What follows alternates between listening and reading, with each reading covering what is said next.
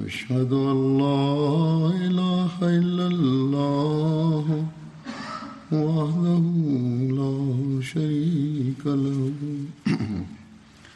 وأشهد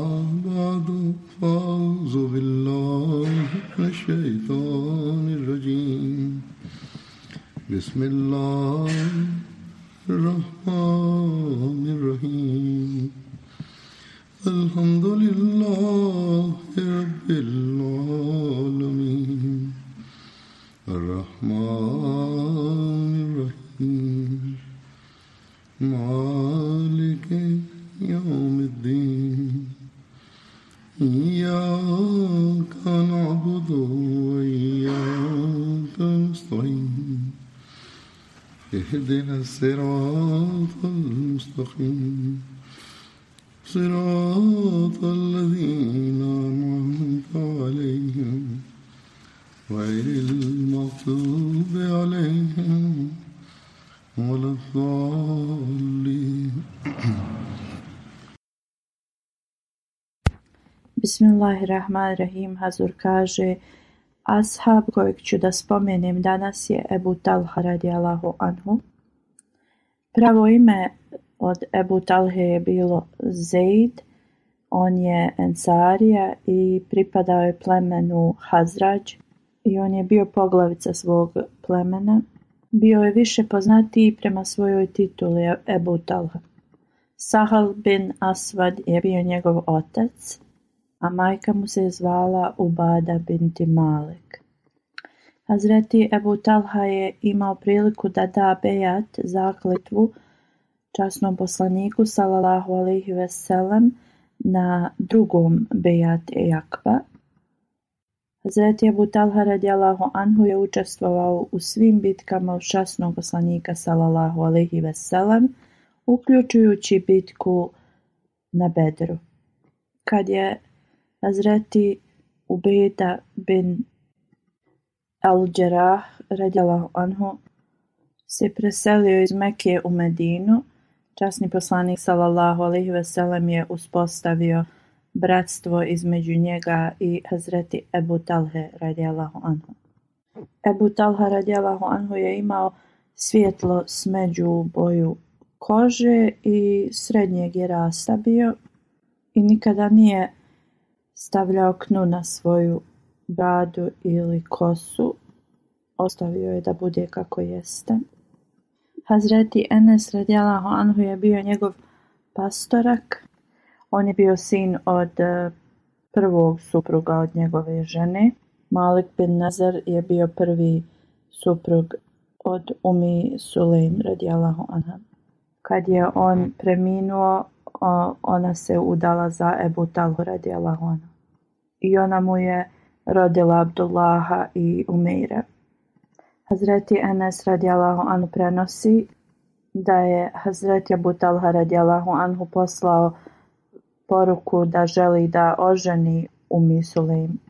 Ona je odgovorila tako mi Boga ja nemam nikakve, nikakav prigovor, prigovor da, da se udam za nekog kao što si ti.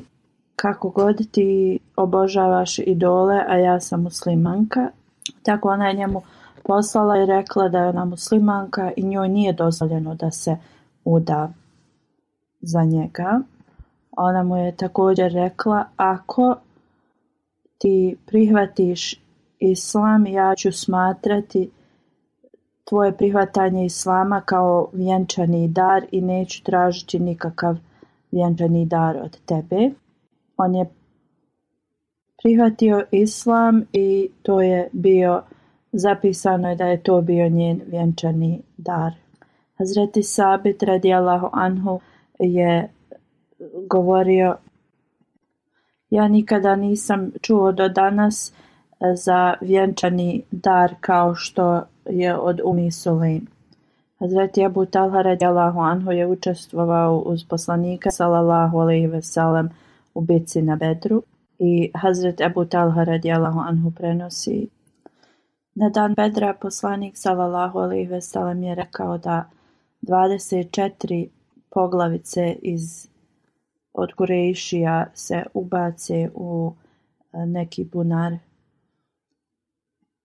Oni su poginuli u toku bitke na Bedru i kao što je bilo e, poslanikov sunet da ostane tri dana gdje se E, borba vodila. Treći dan je rekao da se stavi sedlo na e, njegovu konja i oni su krenuli. Kada je došao do tog bunara ili te jame gdje su ta 24 poglavice bili ubačeni, počeo je da ih zove e, njihovim imenima i imenima njihovih očeva. O sine od te i te osobe, da ste bili poslušni Allahu i njegovom poslaniku, zar trenutno ne bi slavili? Jer zasigurno mi smo dobili ono što nam je naš gospodar obećao. A da li ste vi također dobili ono što je vaš gospodar obećao vama? Hazreti Abu Talha dalje prenosi. Omer radijalahu anhu je upitao poslanika sallallahu alejhi ve sellem: "O Allahu poslanice, šta ti govoriš ovim umrlim ljudima?" Poslanik sellem je odgovorio, kunem se onim koji drži život Muhameda sellem Ti nimalo ne čuješ više ove riječi kao što ih i oni čuju. To jeste sada je uzvišeni Allah eh, govorio te riječi njima u smislu kako je njihov ogorčeni kraj došao. Hazreti Enes radi Allahu Anhu prenosi na Uhudu kada su se ljudi razbježali od poslanika sallallahu alejhi ve zato što su bili poraženi, Hazreti Ebu Talha radijallahu anhu je ostao ispred njega i hrabro je stajao sa svojim svojim štitom ispred poslanika sallallahu alejhi ve Prenosi se da je Hazreti Ebu Talha bio spretan strijelac i taj dan da je slomio dva ili tri luka od eh, strijele eh, koliko je koristio. Drugim riječima, toliko bi jako povukao strijelu da je ispali na neprijatelje da bi eh, kanap koji je držao pucao. Poslanik sallallahu alejhi ve sellem bi govorio da drugi koji su prolazili dante svoje strijele Ebu Talhe on je sajao ispred poslanika sallallahu alaihi u to vrijeme. Hazret Enes radijalahu anhu prenosi da bi poslanik sallallahu alaihi wasallam dizao svoju glavu i gledao ljude, a tada bi Ebu Talha radijalahu anhu govorio poslaniku O Allahu, poslaniće, neka su moji roditelji žrtvovani radi tebe. Molim te ne podrži svoju glavu i ne razgledaj okolo, da te strijela od neprijatelja ne pogodi moja prsa su ispred tvojih prsa. Hazret na radi Allahanhu govori da je Butalha bi e, štitio poslanika sa svojim štitom i da je on bio odličan strijelac. Kada bi spalio strijelu, poslanik sallallahu alih bi gledao gdje se ta strijela zaustavila. Ovo je hadis iz Buharije, a i prije hadis je bio također iz Buharije. U toku bitke na Uhudu zapisano je da je Hazreti Abu Talha govorio sljedeće stihove. Moje lice je tu da zaštiti tvoje blagoslavljeno lice, a moj život je spreman da se da bude žrtvovan radi tvoga. Hazreti Anas bin Malik radi Anhu prenosi da je poslanik sallallahu alaihi veselem pitao Ebu Talhu da pošalje nekog mladića ili mladiće iz svog plemena E, da idu uz njega na, e, na hajber. radijala radijalahu kaže Ebu Talha je stavio mene na svog konja iza sebe i oni su išli uz poslanika sallallahu alejhi ve sellem. Hazreti Anas govori da je on tada bio mladi dječak, momčić i kaže da bi on da je on služio poslanika sallallahu alejhi ve ako bi mu šta bilo potrebno i kada je poslanik sallallahu alejhi ve sellem silazio sa svog e, konja kaže čuo sam ga često da e, uči dovu Allahu moj tražim utočište uz tebe od briga i tuge od nesposobnosti i od ljenosti od škrtosti i kukavičluka od teškog duga i od pobjede drugih nadamnom. Ovaj hadis je iz e, Buharija, također sljedeći je iz Buharija. Hazret Enes radijalahu on prenosi kad je poslanik sallallahu alejhi ve sellem došao u Medinu, on je imao slugu. Hazret je Talha me je doveo kod poslanika sallallahu alejhi ve sellem. Rekao je: "O Allahov poslanice, Enes je mudro dijete i on može da bude od dobre usluge tebi. Hazreti Enes radi anhu prenosi i kaže ja sam služio poslanika i, dok bi putovao također kod njegove kuće. Poslanik sallallahu alejhi ve me nikada nije upitao zašto sam ja nešto uradio na način koji radim.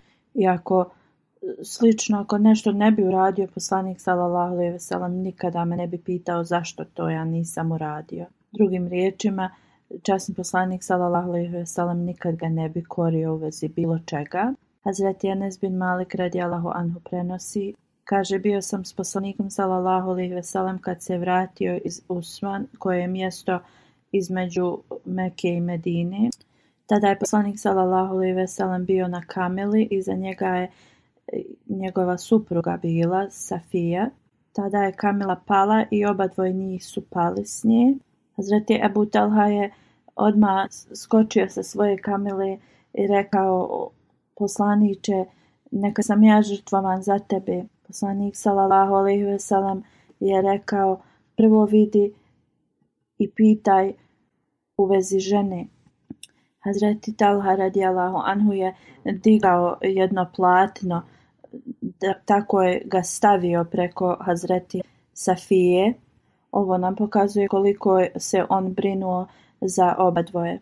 Onda je pripremio Kamilu ponovo za njih da se popnu i onda su svi e, putovali oko, oko, oko poslanika sallallahu alejhi ve i kada su stigli blizu Medine, poslanik sallallahu alejhi ve je rekao: Mi smo oni koji smo se vratili i koji se kajemo našem gospodaru i koji se njemu mole i veličaju ga. Poslanik je nastavio da ponavlja ove riječi dok nije ušao u Medinu. Dok je govorio o istom događaju Hazreti Muslima od anhu govori jednom kada se poslanik salalahu i veselem vraćao s puta, uz njega je bila njegova supruga Safija, njihova e, Kamila je pala i onda su oba dvoje njih spali s nje, Hazreti Abu Talha je išao odmah iza njih. Jahao je na svojoj kameli. On je odmah skočio sa svoje kamele i rekao, o Allahov poslaniče, neka sam ja žrtvovan za tebe. Da li si se povrijedio? Kada je prišao bliže poslan, poslaniku, salallahu alihi veselam, poslanik je rekao, o Ebu Talha, provjeri prvo stanje moje supruge. I ovo je ponovio dva puta. Hazret Muslimaud, Maud radijalahu govori da je Butalha imao neograničenu beskrajnu ljubav prema poslaniku sallallahu alaihi veselam i kada bi se bilo šta desilo u vezi poslanika sallallahu alaihi on, on bi punu pažnju okretao prema poslaniku sallallahu alaihi veselam ali poslanik sallallahu alaihi veselam je rekao da ode i provjeri stanje njegove supruge. Hazreti Muslimaud je ovo naveo e, kada je govorio o pravima žena u islamu.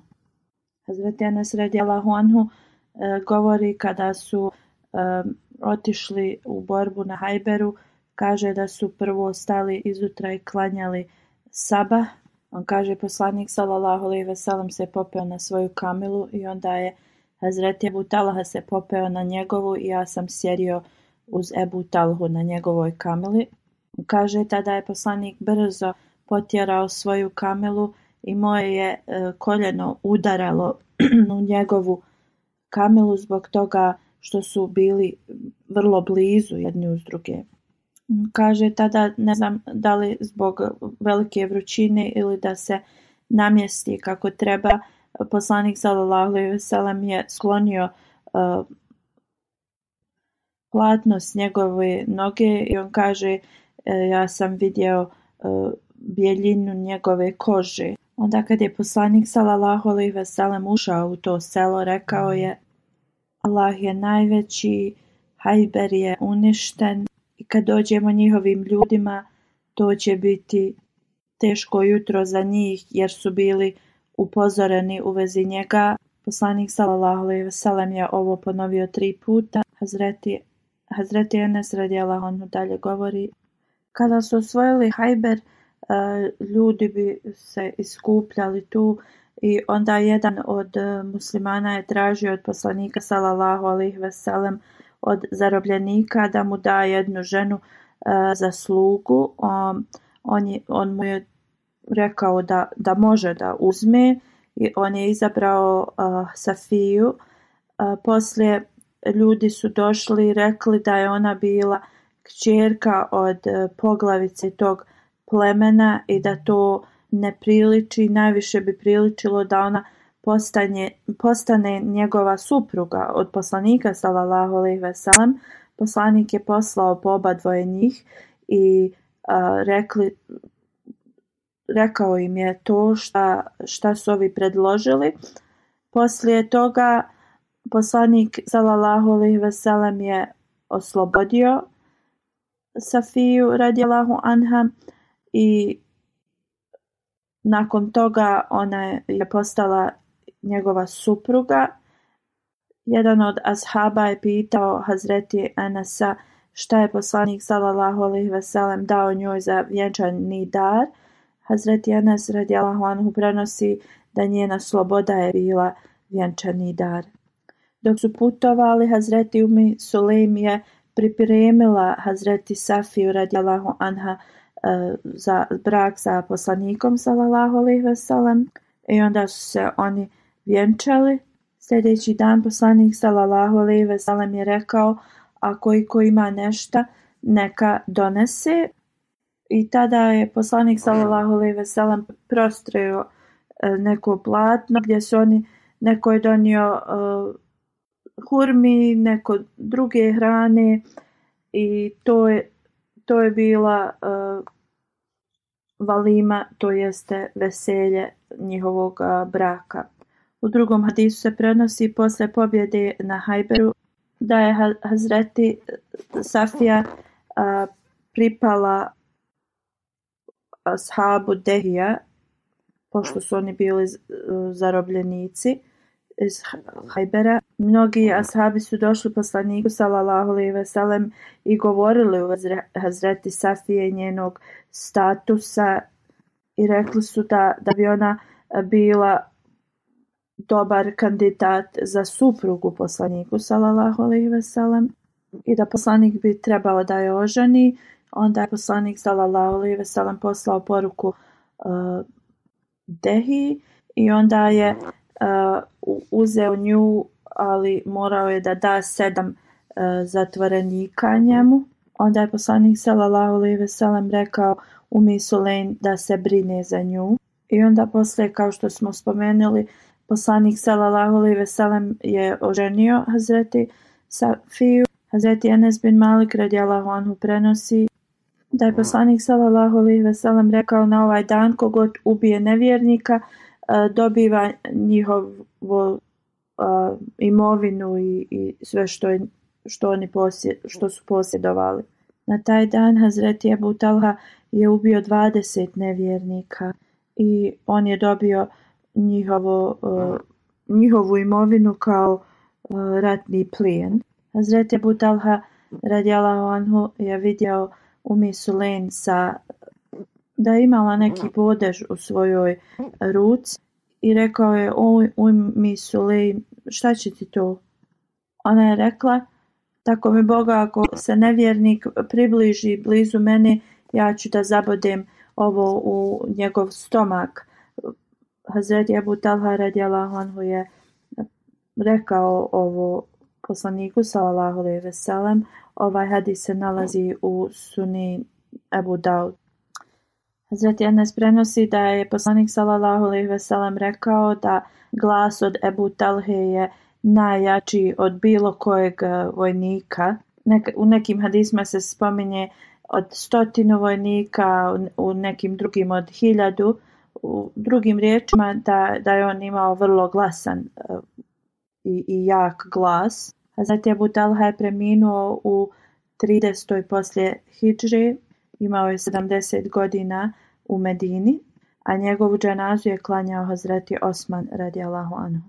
Kako god prema Ehli Basr, stanovnici e, grada Basre, oni govore da je on preminuo u, toku putovanja i da je e, bio ukopan sa, negdje na nekom otoku. Hazreti Enes radijalahu anhu prenosi u toku života poslanika sallallahu alejhi ve sellem Hazreti Abu Talha nije postio ovaj dobrovoljni post zato što je želio da uvijek bude spreman i jak za, za džihad.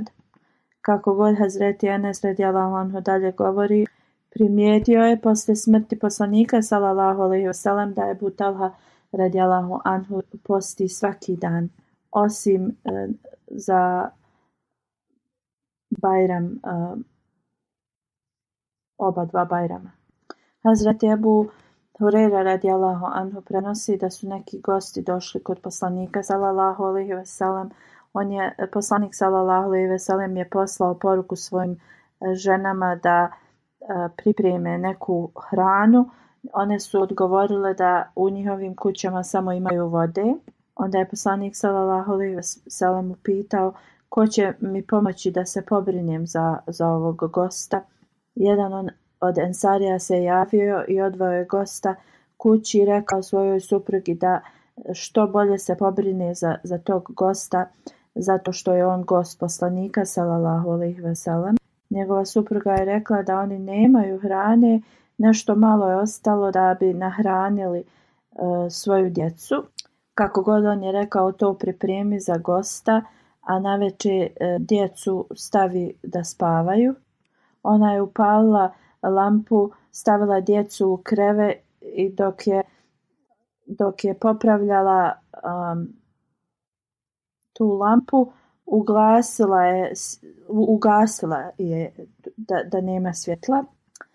Kako god da bi bilo mračno i taj čovjek i žena, oni su e, oni nisu jeli s tim gostima, ali su glumili kao da oni jedu s njima i oni su također otišli praznog stomaka da spavaju.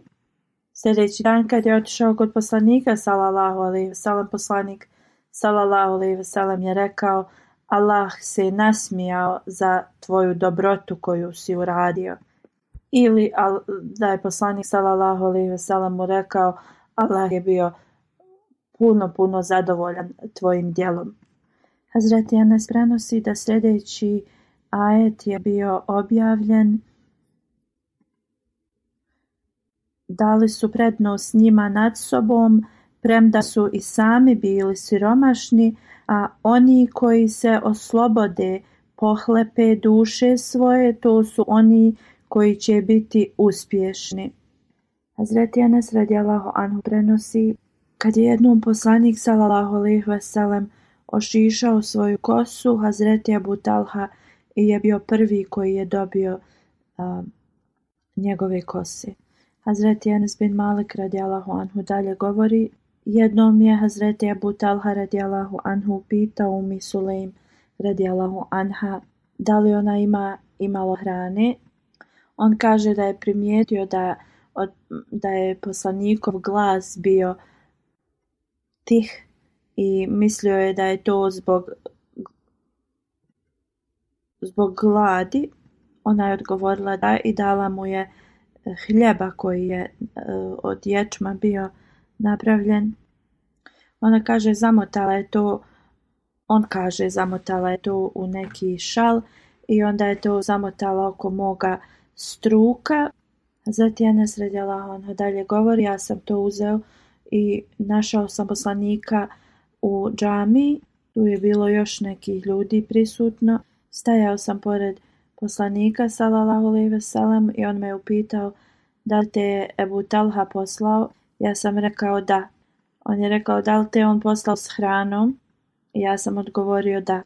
Onda je poslanik salalahu pozvao te ljude koji su bili s njim i krenuli su. Hazreti Anas Allah anhu govori ja sam išao ispred njih i onda sam sreo Ebu Talhu i rekao sam da oni dolaze. Ebu Talha, tad je rekao o Ume Sulejm poslanik sallallahu alaihi veselem dolazi e, sa još ljudi u našu kuću, ali mi nemamo dovoljno hrane da ih svi nahranimo. Kako god, ona je odgovorila: Allah i njegov poslanik znaju najbolje. Hazreti Ebu Talha je brzo izašao iz svoje kuće da bi sreo i dočekao poslanika sallallahu alejhi ve sellem. Hazret Anas radijallahu anhu je došao prije njih u, u njihovu kuću.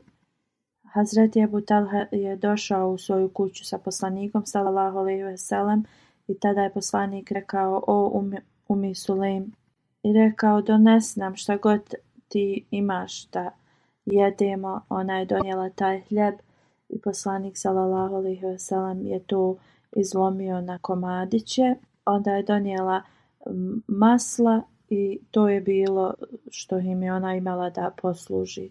Tada je poslanik sallallahu alejhi ve uputio dovu Onda je rekao, pozovite deset ljudi, nek dođu i neka jedu. I oni su jeli dok su bili siti i onda su otišli.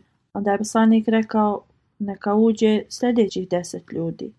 Oni su jeli dok su bili siti i onda su i oni otišli. Onda je poslanik rekao, neka uđe još deset ljudi. I oni su došli, jeli i otišli su. Onda je poslanik rekao, neka uđe sljedećih deset ljudi. I oni su također jeli i otišli. I onda svi su jeli. Otprilike je bilo 70 do 80 ljudi. Ovo je jedan od hadisa koji govori o blagoslovima dove koju je uputio poslanik sallallahu alaihi veselam. Hazreti Enes bin Malik radijalahu anhu prenosi da je Hazreti Talha radijalahu anhu imao naj, najveće bašte eh, hurmi od Ensarija. Njegov najbolji najbolja Najbolji voćnjak mu se zvao Behra, koji je bio blizu džamije i poslanik s.a.v. bi išao tu i pio bi vodu iz, iz tog voćnjaka. Zreti Enes radijalahu anhu prenosi kada je sljedeći ajed bio objavljen.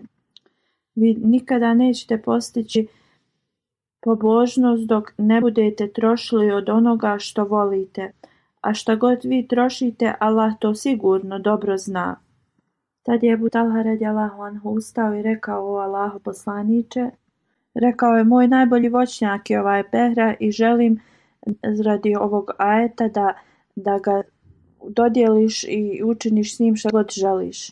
Ja želim da uzvišenja Allah bude zadovoljan sa mnom. Poslanik sallallahu alejhi ve sellem je rekao u redu, ovo je vrlo dobra stvar ili je rekao ova tvoja ovo tvoje žrtvovanje će biti uvijek. Onda je rekao, ja sam čuo šta si rekao, ali mislim da je najbolje da ovo, da to podijeliš između svojih bližnjih. Onda je Budalha radijalah rekao, o Allah poslaniće, ja ću raditi kako si ti naredio. Onda je Hazreti Abu Talha podijelio ovo sa svojim amidžićima. Hazreti Abu Talha je imao čast da ukopa jednu od e, poslanikovih e, kćeri kad je preminula. Prema uputama poslanika, salallahu on je ušao u mezar, kako je poslanik rekao, i spustio je njeno tijelo.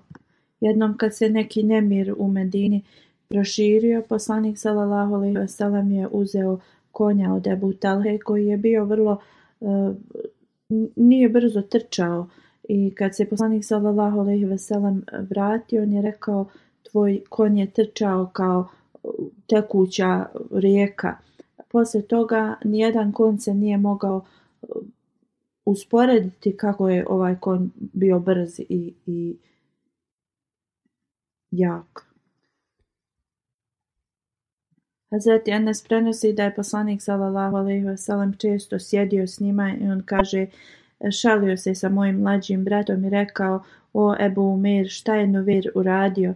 On, moj brat je imao pticu koja da li je, ili je umrla ili je odletjela i poslanik se šalio s njim uvijek. Zato što je taj dječak bio tužan radi toga.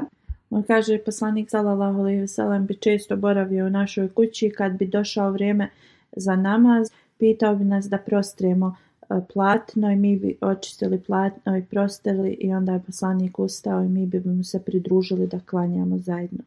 Hazreti Enes Allahu anu prenosi kada je Abdullah bin Ebu Talha Ansari kada se rodio, ovo je sin Ebu Talhe i polubrat od Hazreti Anas radijalahu anu Kaže, ja sam godnio poslaniku, salallahu alaihi wasalam, poslanik je tada toverio na svog e, magarca. Pitao me da li ja imam hurmu, ja sam rekao da imam. Onda je poslanik sallallahu alejhi ve dao sam te hurme poslaniku. On je uzeo jednu i i žvakao je. Onda je uzeo te hurme i stavio je bebi u usta tako da može da, da je pojede. Onda je poslanik rekao, vidiš kako voli hurme ensarijske. I onda mu je poslanik sallallahu alaihi wasallam dao ime Abdullah. Hazret Enes vam anhu prenosi da je e, sin Ebu Talhe bio bolestan i on je otišao negdje kad se je vratio dok je bio odsutan e, dijete je preminulo došao je kući i upitao je kako je dijete e, Ebu Sulejm njegova supruga je rekla da je dijete e, na boljem mjestu, dala mu je večeru i onda poslije nekog vremena je rekla da je dijete preminulo, izutra je otišao e, kod poslanika sallallahu alejhi ve i ukopali su dijete i poslanik se je molio da mu Allah podari još djece i Allah mu je podario. Hazreti Muslim odredi Allahu Anhu objašnjava ovaj događaj na sljedeći način. On kaže da za vjernika je ništa dati život za svoju vjeru. Hazre Musmaud kaže žena koja je također bila asha poslanika sallallahu alaihi veselem u Misulein. Poslanik sallallahu alaihi veselem je dao njenom suprugu Ebu Talhi eh, da ide izvan grada radi nekih religijskih dužnosti tada je njihovo dijete bilo bolesno i dok se vratio u Talha, njihovo dijete je preminulo. Majka tog djeteta je prekrila dijete platnom, ona je se okupala, stavila je parfim. dočekala je svog muža s puta. Kada je došao, Ashab je odmah pitao u vezi svog djeteta. Ona je rekla, dijete je u potpunom miru. Onda je on jeo Odmorio se, proveo noć sa svojom suprugom. Poslije je njegova supruga rekla, želim da te nešto upitam. Šta želiš da me upitaš, rekao je njen muž. Ako te neko da nešto i poslije želi da uzme to od tebe, da li ti trebaš to da vratiš? Muž je tad rekao, kakva osoba bi to držala sa sobom nešto što mu je samo dato kao povjerenje. Onda je ona rekla, ali ta osoba će možda biti tužna ako mora to da vrati. Tada je njen muž rekao zašto da bude tužan ako to nije bilo njegovo od početka, onda ne, ne, nije potrebno da se tuga ikakva, da ste tužni radi toga ako vam je neko nešto povjerio i trebate da vratite. Onda je ona rekla uzvišeni Allah koji nam je dao naše dijete samo kao povjerenje. Uzeo ga je nazad sebi. Ovakvo je bilo ponašanje i hrabrost žena iz tog vremena. Da damo život, to nema nikakve važnosti, pogotovo za muslimana, vjernika. Prenosi se da je radi ovoga poslanik sallallahu ve se molio za njih i Allah im je podario mnogo djece.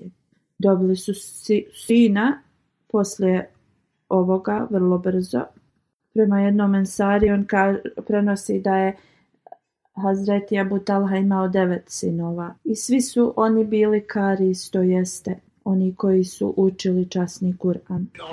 Hazreti Anas radjala honhu prenosi da je služio alkohol od hormi Hazreti Abu Talhi i još nekim eh, njegovim drugovima i kada je naređenje došlo da je alkohol zabranjen, Hazreti Abu Talha je rekao, o Enese, razbi sve ove zdjele u kojima je alkohol. I on kaže, ja sam kamenom ih sve porazbijao.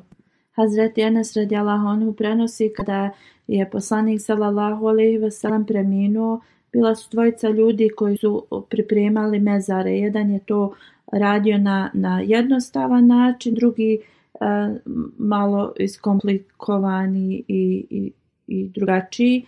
I onda su ashabi rekli da će oni klanjati istihare i poslaće e, poruku u isto vrijeme oba dvojice ovih ljudi koji god im uzvrati prvi da će uzeti njegove, njegovu uslugu i to kad su to uradili Hazret Jebu Talha je prvi se javio i on je bio taj koji je uradio mezar za poslanika sallallahu alejhi ve Ovo je bilo sve u vezi života Hazreti Ebu Talha. Hazur kaže sada ću ukratko da spomenem neke detalje od osobe koja je preminula i klanjaću dženazu u odsustvu. Babu Muhammed Latif Sahib preminuo je 26. januara u Rabvi u 90. godini nalila vena ili rađun. On je bio sin od ashaba, obećanog Mesija alaih salama. Hvala Allahu, on je bio Musi, također on je e, brat od poznatog e, misionara iz naše zajednice. Njegov otac je njega uzeo i odveo ga kod drugog halife e, i dao, dao je njegov život u službu džamata.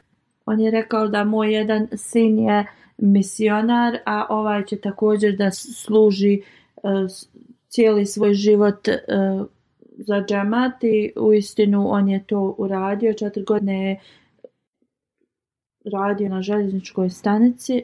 1952. u oktobru on je počeo za džema da radi. Prvo je e, radio u Beitul Mal. 1954. je dobio drugu službu u džamatu i onda e, tu je bio do 1964. i onda je služio kao privatni u, uredu privatnog e, sekretara od halife. On je služio u tom uredu sa drugim halifom, sa trećim.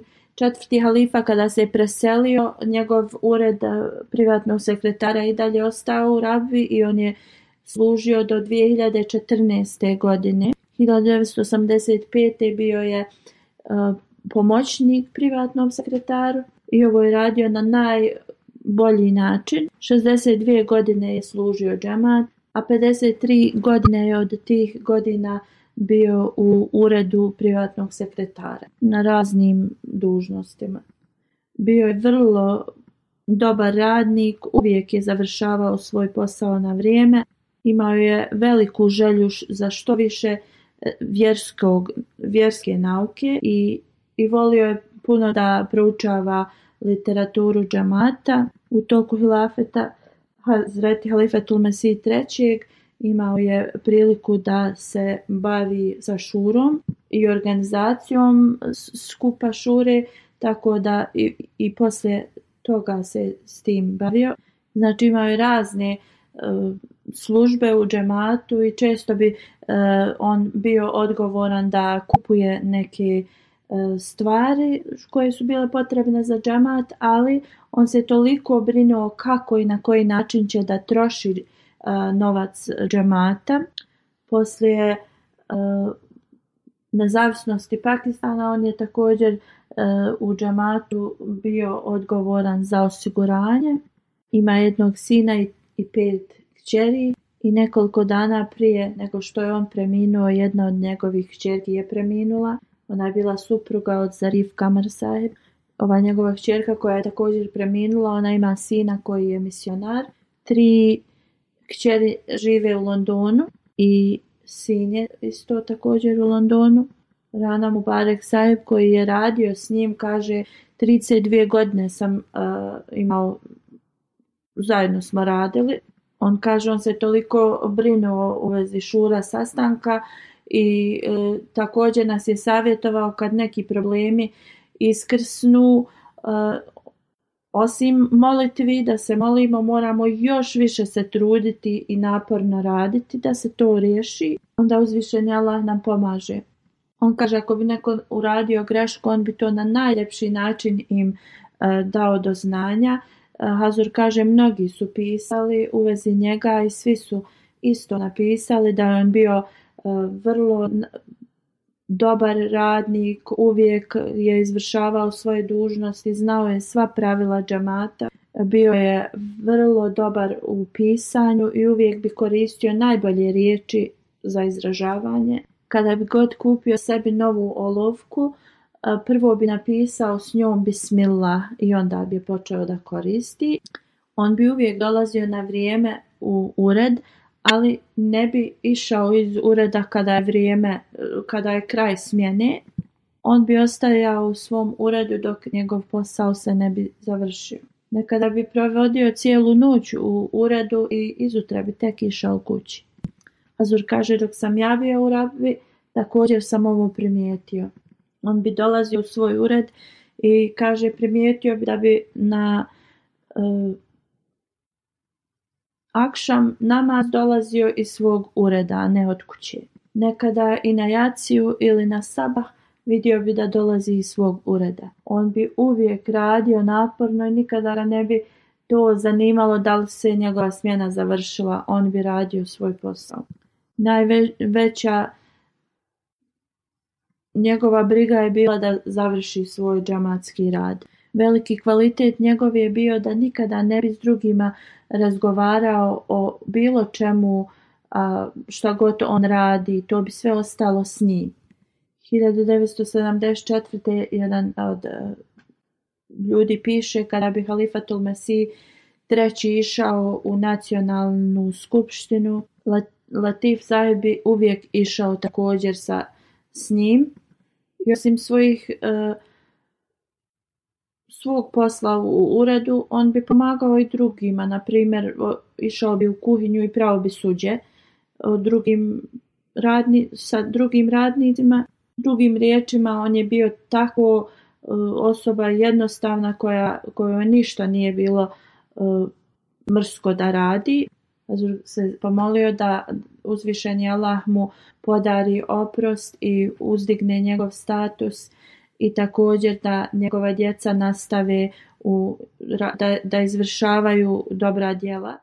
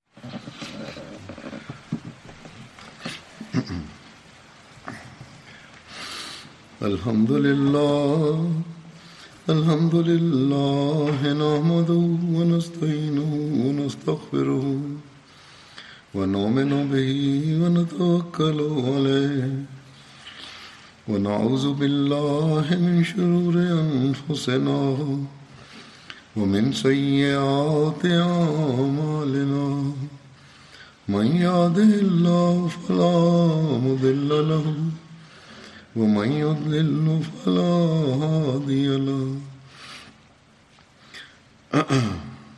ونشهد أن لا إله إلا الله ونشهد أن محمدا عبده ورسوله عباد الله رحمكم الله إن الله يأمر بالعدل واللسان وإيتاء ذي القربى وينهى عن الفحشاء والمنكر والبغي يعظكم لعلكم تذكرون اذكروا الله يذكركم وادعوه يستجب لكم ولذكر الله أكبر